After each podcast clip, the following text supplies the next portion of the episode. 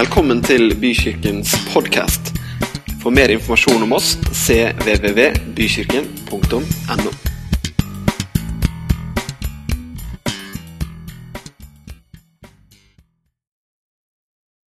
Jeg har lyst til å snakke med dere i dag om å være et vitne. Og da starter vi i apostlenes gjerninger 1.8. Men dere skal få kraft når Den hellige ånd kommer over dere. Og dere skal være mine vitner i Jerusalem og hele Judea, i hele Samaria og helt til jordens ende. Er lyden grei? Ja, fint. Det ble så veldig sånn massivt skjønner for meg, men det er greit. Ja, vi er ikke det. wow. Se for dere hvordan det var å stå der. Jesus har fart opp til himmelen og nettopp sagt dere skal være mine vitner. Tenk deg hva disse disiplene har vært med på av mirakler som Jesus har gjort. Og så plutselig står de der, ikke alene, for de har hverandre. Men allikevel så er det noe som eh, må ha vært ganske rart. Og ikke minst må det ha vært en ganske overveldende følelse og et overveldende oppdrag å har fått. Dere er mine vitner. Men så får de også et løfte. Vi skal bli utrustet. Dere skal få kraft når Den hellige ånd kommer over dere. Og med den kraften skal dere være mine vitner.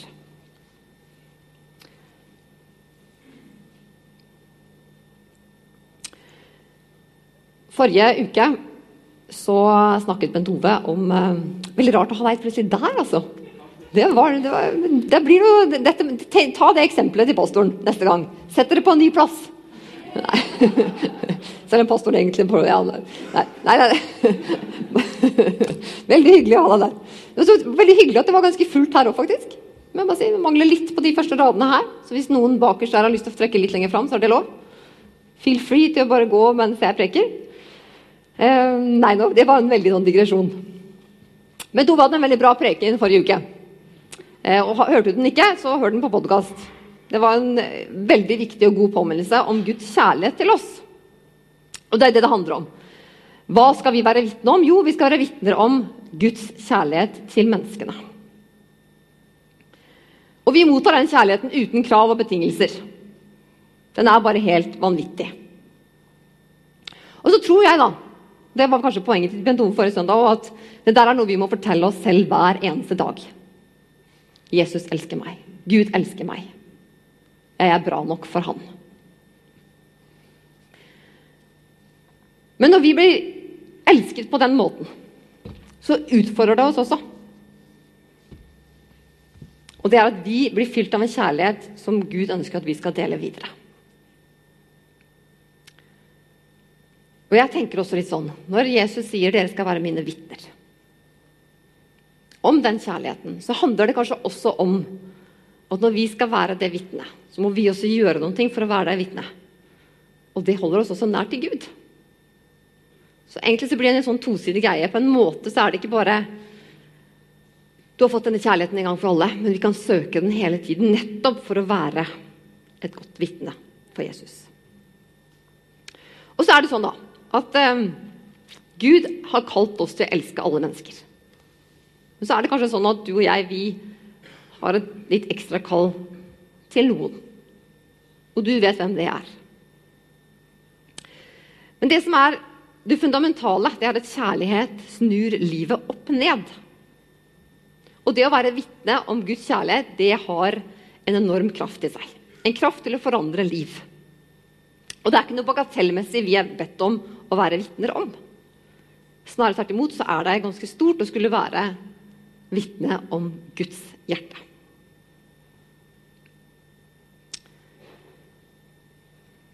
Og så er det sånn at Jesus han kom med gode nyheter. Og De gode nyhetene har vi bedt, blitt bedt om å spre videre. Og La oss lese fra Lukas 4, 18. I åndens kraft vendte Jesus tilbake til Galilea, og ryktet om ham spredde seg over hele området. Merk dere ryktet. Han underviste i synagogene og fikk lovord av alle. Han kom også til Lasaret, hvor han var vokst opp, og på sabbaten gikk han inn i synagogen slik han pleide. Og da han reiste seg for å lese, rakte de ham profeten Jesajas bok. Han åpnet bokrullen og fant stedet der det står skrevet Herrens ånd er over meg, for han har salvet meg til å forkynne et godt budskap for de fattige. Han har sendt meg for å rope ut at fanger skal få frihet, blinde får synet igjen, for å sette undertrykte fri og rope ut et nådens år fra Herren. Så rullet han bokrullen sammen, rakte den til synagogetjeneren og satte seg. Alle i synagogen stirret spent på ham. Han begynte da med å si I dag er dette skriftordet blitt oppfylt mens dere hørte på. Alle roste ham og undret seg over nådeordene som kom fra hans munn. Et nådens år fra Herren. Vi sang er eh, i lovsangen om Gud, du er nåderik. Dette budskapet som Jesus der står og sier Der og da så tror jeg det var et ganske revolusjonerende budskap. Så fikk han bli litt Oi. Dette var litt voldsomt. Og ryktene spredde seg om ham. Men så er det sånn da, eh, at selv om det var revolusjonerende da, så er det kanskje like revolusjonerende i dag. Sånn egentlig. Og hva vil det si å være et vitne?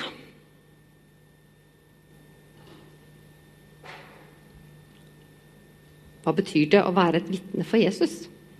Vi er åpenbart kalt til det. Og vi har sett ham,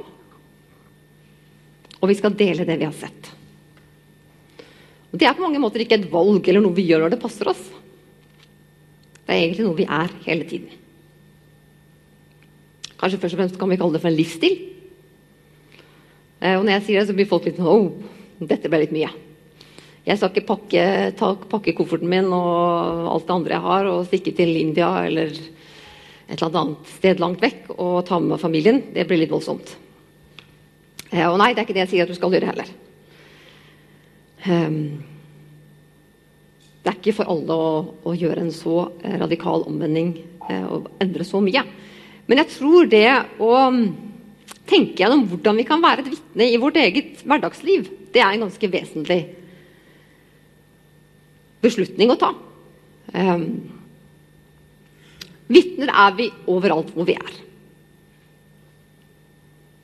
Men for å være et vitne så må du selv se noe og oppleve noe som du deler. Og det må være ekte. Og ektefølt. I starten her så var det litt sånn tekniske problemer. Eh, kanskje skal det understreke da mitt poeng som jeg skal nå fortelle dere. Jeg har vært på e-kommunekonferanse denne uken. Ja, for eh, og der var det en eh, fyr som hadde et foredrag om kunstig intelligens.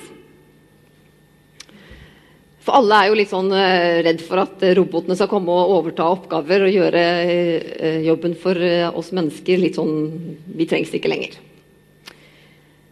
Eh, og så forteller denne Han var vel doktor i et eller annet. Eh, doktor Goodwin. Han forteller da om en robot han har laget som han hadde med på en TV-innspilling eh, sammen med Erna Solberg. Og disse TV-folka var jo så veldig, veldig, opptatt av at de, måtte, de måtte bli litt morsomt. Da, så de, de, måtte få noen gode svar ut av den roboten. Og som han sa, da må jo jeg programmere den roboten til å gi noen svar. For det er jo ikke sånn at den bare sier noe som er fornuftig av seg selv. Eh, dette var da i, rundt eh, når det var snakk om at Venstre skulle gå inn i regjering. Og eh, han fant ut at jeg kanskje skal legge inn en sånn morsom kommentar da, om at da må du bytte ut uh, Sylvi med Trine på triggerordet Venstre. Uh, og så var det jo sånn da at Erna Solberg hun snakket da en god del om Venstre i denne, denne, dette intervjuet. Så denne roboten sier jo da igjen og igjen Da må du bytte ut Trine med Sylvi Nei, da må du bytte ut Sylvi med Trine. Da er det kanskje best å bytte ut uh, Sylvi med Trine. Og når det kommer igjen liksom, for fjerde gang, så syns han eieren av roboten at dette begynner å bli litt pinlig, for det passer jo ikke inn. Det blir jo en helt mismatch i det som egentlig er ment å skulle kommunisere, så han drar ut pluggen. Da blir det ikke noe strøm på deg til roboten. Jeg tror dette var et opptak, så han ikke det ble liksom sendt eh, sånn som det så ut til det skulle bli. Um, men uansett. Det å være et vitne, det er ikke noe man kan programmeres til. Man kan ikke sette opp en sånn Nå har du fått dette, og da kan du bare gå ut og si akkurat dette, så er vi fiks ferdig. Det å være et vitne, det er å gjøre noe eh, ekte. Um. Og når vi tror, så søker vi Jesus. Og For å være et vitne må vi også søke Jesus. Og Det er det jeg mener med det jeg sa i starten, at jeg tror når vi blir utfordret og kalt til å være et vitne, så er det fordi det er en måte for Gud til å holde oss nær ham. For det er veldig vanskelig å være et godt vitne hvis ikke du hele tiden får påfyll. Um, og når vi søker Jesus, så lar vi vårt eget hjerte bli berørt.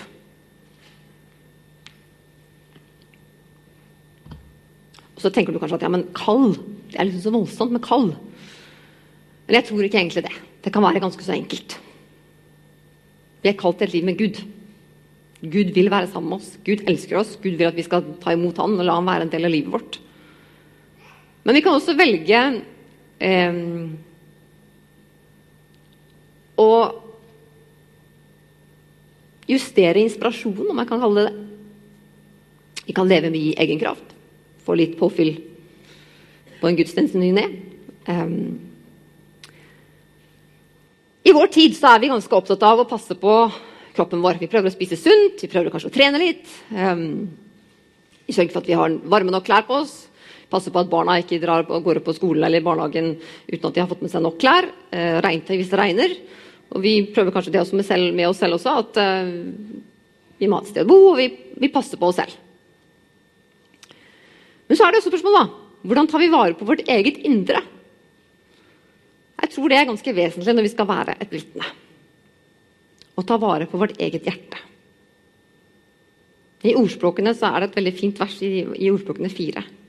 Bevar ditt hjerte framfor alt du bevarer, for livet går ut fra det.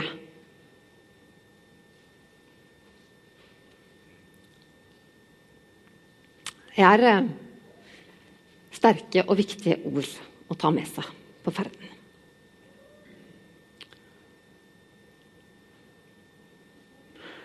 Og så har jeg skrevet opp ordet 'øve'. Jeg tror faktisk det handler om å øve litt på å være et vitne. Prøve å, te å tenke gjennom hvordan vi kan øve på å være Jesus lik. Og så tenker jeg at Noen ganger så er det noe med det med å søke søke nye opplevelser med Gud. Vi her inne vi har et spenn av en alder. Og jeg tror ikke Gud setter noen begrensninger på at har du kommet i den fasen i livet, eller har du ikke kommet dit ennå, så har, har du, kan du bare ha den begrensningen av opplevelsen med Gud. Jeg tror at vårt åndelige liv det kan hele tiden bli, bli utviklet videre. Og så tror jeg at Gud forteller oss kanskje ulike ting til ulike tider.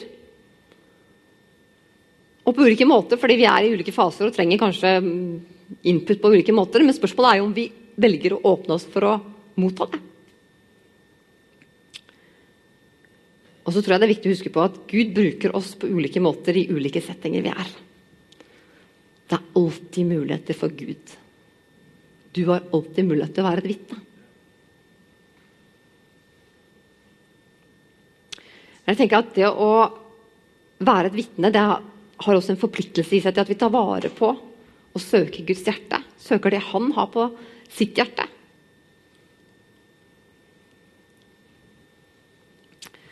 Men som sagt, vi må være et ekte vitne. Vi må være oss selv. Vi kan ikke ta på oss noen andres måte å være på. Noen andres måte å si ting på.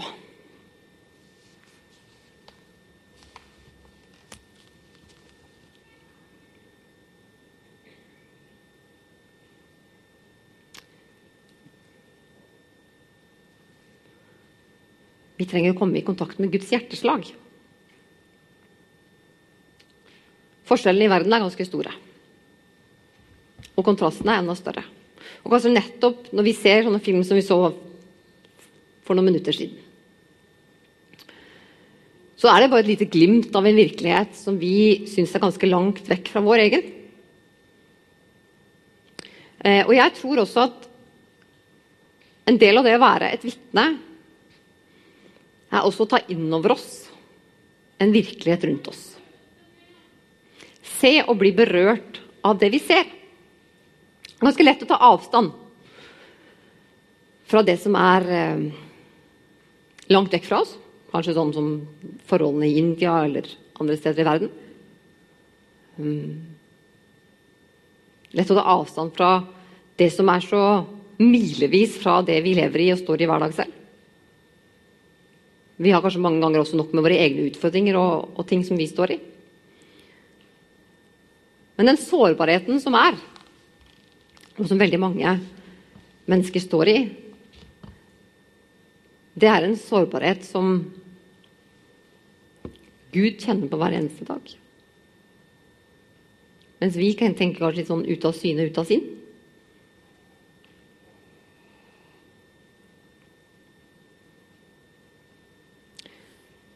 Og forskjellene, de, eh, de kan også gjøre oss litt sånn maktesløse eller apatiske. Eller vi kan bli sånn men dette er for mye for meg å ta inn over meg. For det blir for stort. Det blir for mange mennesker. Det blir for, for langt å skulle Jeg kan ikke gjøre noen ting. Men det kan du. Jeg tror vi kan mye mer enn vi gir oss noen ganger selv muligheten til. Um, og så er det jo den derre syns denne filmen er ganske sterk på å fortelle oss om mulighetene som finnes. Mulighetene som eksisterer når noen får vite om Jesus, når noen får lov til å gå på skole og starte, skape seg en ny og bedre framtid. Og Jesus eh, var ganske tydelig på å fortelle om ganske mange historier der vi blir utfordret på å bli involvert. Og bli utfordret på å kjenne på hjerteslaget som Gud har for våre brødre og søstre der rundt omkring i verden. Og så finnes det noen inspirerende skikkelser i Bibelen. I sommer så var vi i Italia. Eh, og jeg, Mulig at jeg har vært uoppmerksom før, men jeg har ikke observert et morbærtre før. Men det gjorde jeg da fordi at eh, vi satt og spiste frokost under et morbærtre. Eh, og dette var jo et fascinerende tre. Det er jo litt sånn bjørnebæraktige bær som henger, henger på dette treet. Et tre som så vidt jeg så den, i hvert fall. I hvert fall. Det var liksom ikke sånn at det var en høy, lang stamme og en stor krone, men det var, kronen var ganske langt nede. Så det var et ganske genialt klatretre, vil jeg si. Eh, for en som har vært veldig opptatt og glad i å klatre i trær da jeg var liten, så tenkte jeg at det der var et spennende tre. Eh, og når man da sitter under et morbærtre, som ikke er et tre som vi vanligvis har i hagene våre i Norge, så er det umulig å ikke komme på historien om Sakkeus. Eh, som var så lite at han måtte klatre opp i et tre et morbærtre. Og jeg tenkte at jeg hadde lyst til å lese fra Lukas, i Lukas 19. Han kom inn i Jeriko og dro gjennom byen. og Der var det en mann som het Sakkeus. Han var overtoller og svært rik, og han ville se hvem Jesus var. Men han kunne ikke komme til folkemengden, for han var liten av vekst. Han løp i forveien og klatret opp i et morbærtre for å se ham på et sted hvor han måtte komme forbi. Og Da Jesus kom dit, han opp, så han opp og sa til ham, Sakkeus, skynd deg og kom ned, for i dag må jeg ta inn hos deg. Han skyndte seg ned da, da ned og tok imot ham med glede. Men alle som så det, murret og sa, han har tatt inn hos en syndig mann. Men Sakkeus sto fram og sa til Herren, Herren, halvparten av alt jeg eier, gir jeg til de fattige. Og har jeg presset noen for penger, så skal de få firedobbelt igjen. Da sa Jesus til ham, i dag er frelse kommet til dette huset, for også han er en Abrahams sønn. For menneskesønnen er kommet for å lete etter de bortkomne og berge dem. Sakkeus sin historie um, handler om forvaltning av ressurser. um,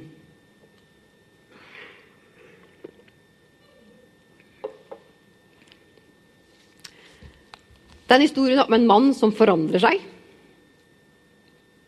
og som dermed forandrer samfunnet. og han forandrer enkeltmenneskers liv og muligheter.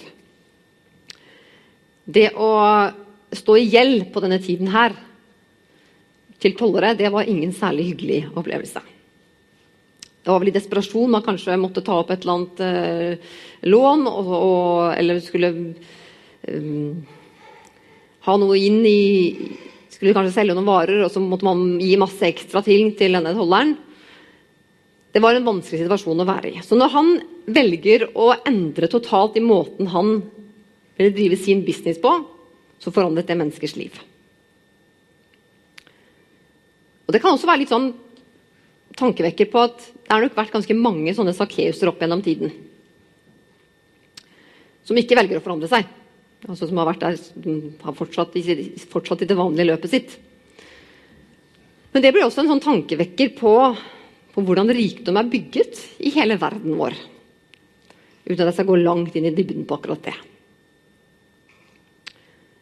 Men dette med fattigdom og rikdom det blir sånne onde sirkler som noen ganger man ikke klarer å finne veien ut av, fordi man rett og slett ender opp i å bare bli fattigere og fattigere fordi man prøvde å starte en eller annen mulighet på nytt ved å kanskje skape seg en liten business på en eller annen måte. Det Sakkeus gjør, er å gi noen en ny sjanse. Og Sånn sett så velger han jo å møte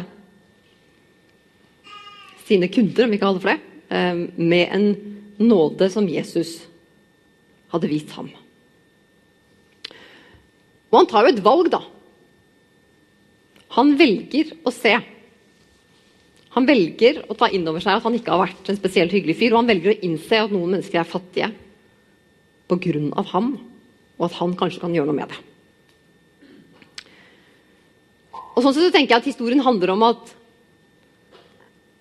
Jesus viser og kaller oss til å åpne våre øyne for det han ser rundt omkring på jordkloden i dag. Jeg har også lyst til at vi skal lese fra Matteus 14 om miraklet som skjer når vi deler det vi har. Dette er jo historien da Jesus eh, egentlig er litt sliten og trenger litt tid for seg selv. Og drar egentlig for å få litt alenetid. Men det kommer himla mange mennesker etter ham. Um, fordi de er veldig hungrige til å fortelle og, og høre mer av det Jesus har å si. Da det red mot kveld, kom de tolv til ham og sa:" Send folket fra deg, så de kan dra til landsbyene og gårdene her omkring for å få tak, for å få tak over hodet og finne seg noe å spise. Her er vi jo på et øde sted. Men Jesus svarte, dere skal gi dem mat. Men vi har ikke mer enn fem brød og to fisker, sa de. Hvis vi da ikke selv går og kjøper mat til alle disse menneskene, og det var omkring 5000 menn, så sa han til disiplene la dem sette seg ned og gruppe på 50. Og de gjorde som han sa, lot alle sette seg. Så tok han de fem brødene og de to fiskene, løftet blikket mot himmelen og velsignet dem. Og Deretter brøt han dem og ga til disiplene for at de skulle dele ut til mengden. Og alle spiste og ble mette. Og etterpå samlet de opp stykkene som var til overs etter dem, tolv kurver i alt. Å dele det er ikke bare å gi smulene fra de rikes bord. Historien om de fem brødene og de to fiskene er en historie om å dele av det vi har.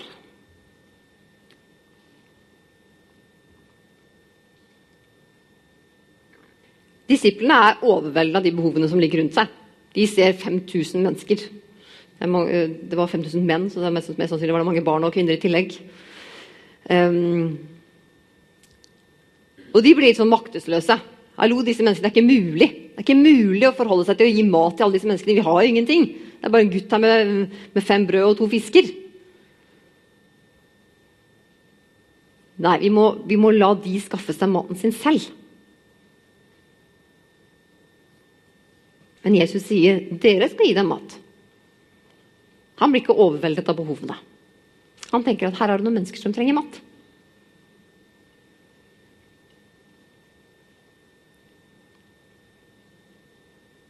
Ofte så er det lett å tenke at ja, ja, når jeg har noe til overs, så kan jeg jo alltids gi det til noen. Men denne historien utfordrer meg å tenke Hva er min intensjon? Eller hva, hva legger vi på en måte i, til grunn når vi tenker deling? I 2. Korint 1,4 står det Han går ved vår side når vi har det vanskelig. Og før du vet ordet av det, er du på den siden av noen andre som har det vanskelig. Slik at vi kan være ved den siden som Gud var for oss. Det er også en del av å være et vitne. Våge å gå inn i andre menneskers liv. Støtte noen, stå ved deres side.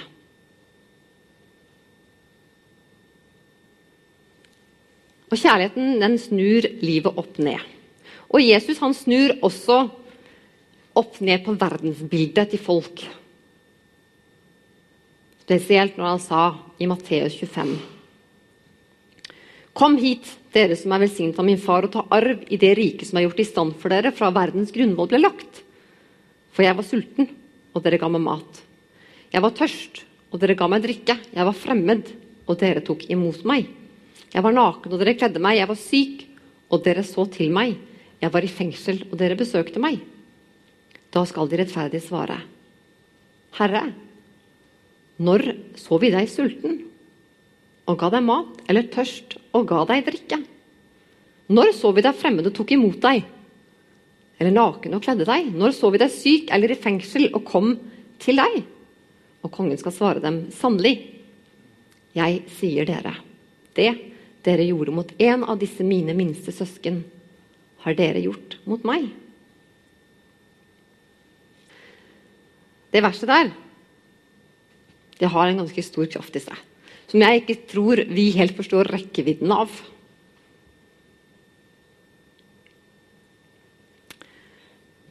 Utrolig kraftfulle ord. Og når Sakkeus snur opp ned på sitt liv så snur han også opp ned på livet til de andre menneskene. Personer som vært tynget av gjeld, blir satt fri. Og de han har presset for penger, de får plutselig firedobbelt tilbake igjen. Egentlig så har denne historien om Sakkeus en litt sånn wow-effekt.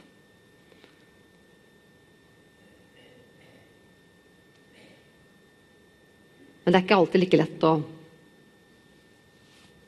sitte igjen, lese en historie om en toller. For det, litt, det, blir litt sånn langt vekk fra vår egen virkelighet. Men å stille seg selv spørsmålet hva kan jeg gjøre for å endre noen andre menneskers liv? Enten med den jeg er, det jeg gjør, det jeg gir, det jeg er med på å skape rundt meg. Det er alltid en interessant ting å tenke på. Eh, når vi var i India, så eh, var vi ute på en båttur, og så er det en av de andre som kommenterer at jeg driver tar så mye selfier. Eh, så sier jeg nei, men det gjør jeg ikke. Jeg syntes det var litt urettferdig. Ble liksom, det ble sånn mobb, litt sånn mobbete, liksom. Um, og så blir jeg liksom Jeg gjør jo ikke det. Jeg driver ikke og tar så masse selfier. Nei, og så, og så irriterte jeg meg ikke irriterte meg ikke over men jeg synes det var litt sånn der, urettferdig. da, For det er jo noen mennesker som tar fryktelig mye selfier. Uh, og jeg syns ikke egentlig at jeg er i den sjangeren. Men så sitter jeg da bare og går gjennom noen bilder her, um, her om dagen. Um, dette er et bilde fra da jeg var, hadde ikke sovet på lange tider og hadde flydd ned. og sånn, så det ser litt sånn stusslig ut. Men, oi, sann. um, men jeg skal, skal, komme fram til et poeng, og det er at jeg fant jo da ganske mange selfier. For det som skjedde var jo at når vi kommer til denne skolen her, så er det veldig mange, som synes det er, mange av disse jentene som syns det er veldig morsomt å skulle ta bilde sammen med oss. og Det blir jo et rush av uh, bilder. Og så syns jeg det er litt sånn uh, flaut å gå ut med min egen telefon og ikke skulle ta bilde sammen med de. Uh, så jeg tenker at når de kommer, så tenker jeg ja, det må jeg ta med min òg, da. For liksom prøve å være litt sånn Vi er liksom uh, venninner. Uh, det var kanskje litt teit tenkt, men Så det endte jo med at jeg skjønner jo hvorfor han sa da dagen, et par dager etterpå Du tar jo selfier hele tiden. Det er litt sånn selvsentrert. Det er alltid fint når man er på tur med nye folk som, som får det inntrykket. Jeg var selfiedama. På ja, ja. Uansett, poenget med dette bildet og poenget med å snakke om akkurat dette, eh, det er jo at noen ganger er det fint å ta et bilde av seg selv for å observere seg selv utenfra. Tenke gjennom. Hvilken rolle tar jeg nå? Hvordan, eh, hvordan oppstår jeg, eller opp, oppfattes jeg når jeg går inn der og gjør de og de tingene? Og jeg var på denne e-kommunekonferansen i, i, nå i um, en uke som var. Eh, og ofte så kan jeg ha vært på en del sånne konferanser, og jeg har ikke alltid Selv om jeg er glad i å snakke, så er ikke jeg den som liksom rekker opp hånden og kommenterer ting hele tiden. Men så syns jeg ofte at det er veldig mange som har mye på hjertet. Som ikke har så mye klokt å si. Så tenker jeg, det der, altså det der er jo ikke avansert, det du sier. Jeg kunne jo liksom hevet et par hakk. Det høres kanskje ut som jeg er litt sånn øh, Syns at jeg selv er veldig smart. Um, og det syns jeg jo selvfølgelig innimellom. Syns ofte at jeg har gode, mye bedre løsninger enn andre. Men det, det, jeg gjør Jeg går inn på et seminar, og så tenker jeg Her har jeg faktisk noe å bidra med. Um, så jeg velger å rekke opp den hånden ganske tidlig for å kommentere noe som blir sagt. Og når jeg da velger det, så uh, fortsetter jeg jo også med det. Så jeg blir jo en bidragsyter i dette seminaret. Jeg er ikke sikker at alle syns det var like konstruktivt, men jeg tror noen syns det. Um, og Jeg ble også bedt i pausen om at ja, men det der må du si, det må du, komme, det må du si der inne, for det er viktig. Og det som er Poenget mitt er at ofte så sitter jeg og tenker at nei, men jeg har ikke så mye å bidra med. Jeg har ikke jobba i kommunal sektor så like lenge som disse folka som jobber i KS, som har jobba der i 20-30 år. Eh, kanskje noen litt eldre herrer som har åpenbart eh, vært i den ene kommunen sin og kan liksom ting ut og inn. Og Da blir det litt sånn Ja, men da tar jeg et skritt tilbake. Og Sånn er det med oss i vårt kristne liv også, i hvordan vi velger å være som mennesker. Og Dette handler ikke bare om at du skal snakke om Jesus i en annenhver setning, men det handler om hvordan vi er. Hvordan vi velger å gå inn og ta et rom. Og velger hvilken rolle vi skal spille. Og om vi stoler på Gud i det. Eh, og Kanskje er det sånn at, at det å eh, ta en selfie er kanskje ikke som, eller, eller hovedpoenget, men noen ganger må vi, tror jeg vi må speile oss i Gud og tenke Jeg kan være frimodig på vegne av Gud, for Gud har noe sitter etter menneskene. Gud har lyst til at du skal strekke ut en hånd og si 'Kan jeg hjelpe deg?' Gud har lyst til at du skal si 'hei', til og med. Smile til noen og si 'ha en fin dag'. Um, Ofte kan vi være litt forlegne på vegne av oss selv. Til og med tror jeg i møte med hverandre som sitter her inne. Vi er jo vitner når vi går inn en dør og møter andre mennesker, uansett om de er kristne eller ikke.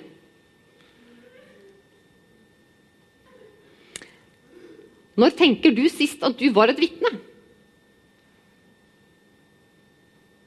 Jeg skal ikke spørre deg sånn åpent du svarer, men uh, Vi er jo vitner hele tiden.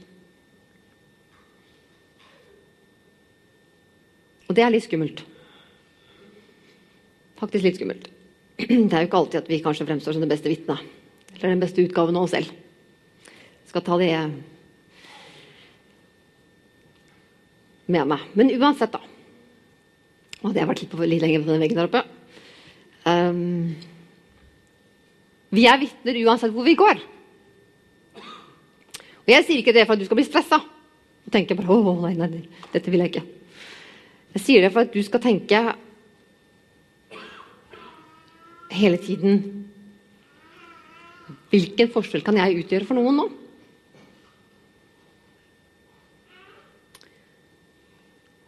Jeg tror vi trenger å være litt mer bevisste på ting. Det å være et vitne. Å lytte til vårt eget hjerte. Og gjennom det kanskje også lytte til Guds hjerte.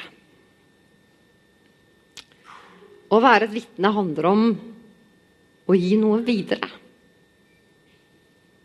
Dele erfaringer. Lytte. Dele av sitt eget hjerte. Lovsangen kan gjerne komme opp. Og så handler det om å bli inspirert av Jesus. Da. Det Jesus gjorde når han gikk her. Sånn sett så er jo denne Burde selvfølgelig hatt en bibel her nå, så kunne du holdt den opp på sin inspirasjon ligger i denne bibelen. Men den ligger jo på den her òg. Den òg. Fins bibler overalt. Alltid lett å ta med seg den her. Um, jeg tror faktisk jeg har en sånn uh, bibelapp i dag. Eller ikke i dag, jeg har en bibelapp som har sånne dag, dagens vers. Og dagens vers handlet om Nei, det ble, det ble borte, det der bildet mitt. Har jeg gjort noe gærent da? Det er ikke så farlig. Dagens vers var, handlet om å være lys. Å reflektere lys. Og det er det det handler om, tror jeg, da, å være vitne. Gud han har en enorm omsorg for oss. Og når vi har oppdaget en brøkdel av den omsorgen Og jeg sier en brøkdel, for jeg tenker at det er masse mer omsorg å hente. Som ikke vi fortsatt ikke har oppdaga. Så bør vi dele den omsorgen.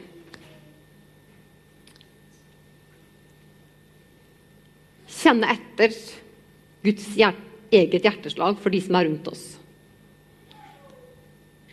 Og det å være et vitne, det handler om å ha vilje og å våge å være seg selv i møte med noen andre. Å være det beste vitnet som bare du kan være i møte med noen du kjenner. Eller noen du blir kjent med. Og så tror jeg da at Guds hjerteslag de skal slå igjen i oss, hver og en av oss. Og sånn, når, når Gud gjør det, så blir våre hjerteslag sammen et sterkere hjerteslag som sprer Guds rike rundt oss. Og jeg tenker at vi trenger å bygge enda sterkere selvtillit i det å være et vitne for Jesus. Herre, jeg takker deg for at du har gitt oss, Herre, et nytt liv. Jeg takker deg, Jesus, for at du er større enn alt.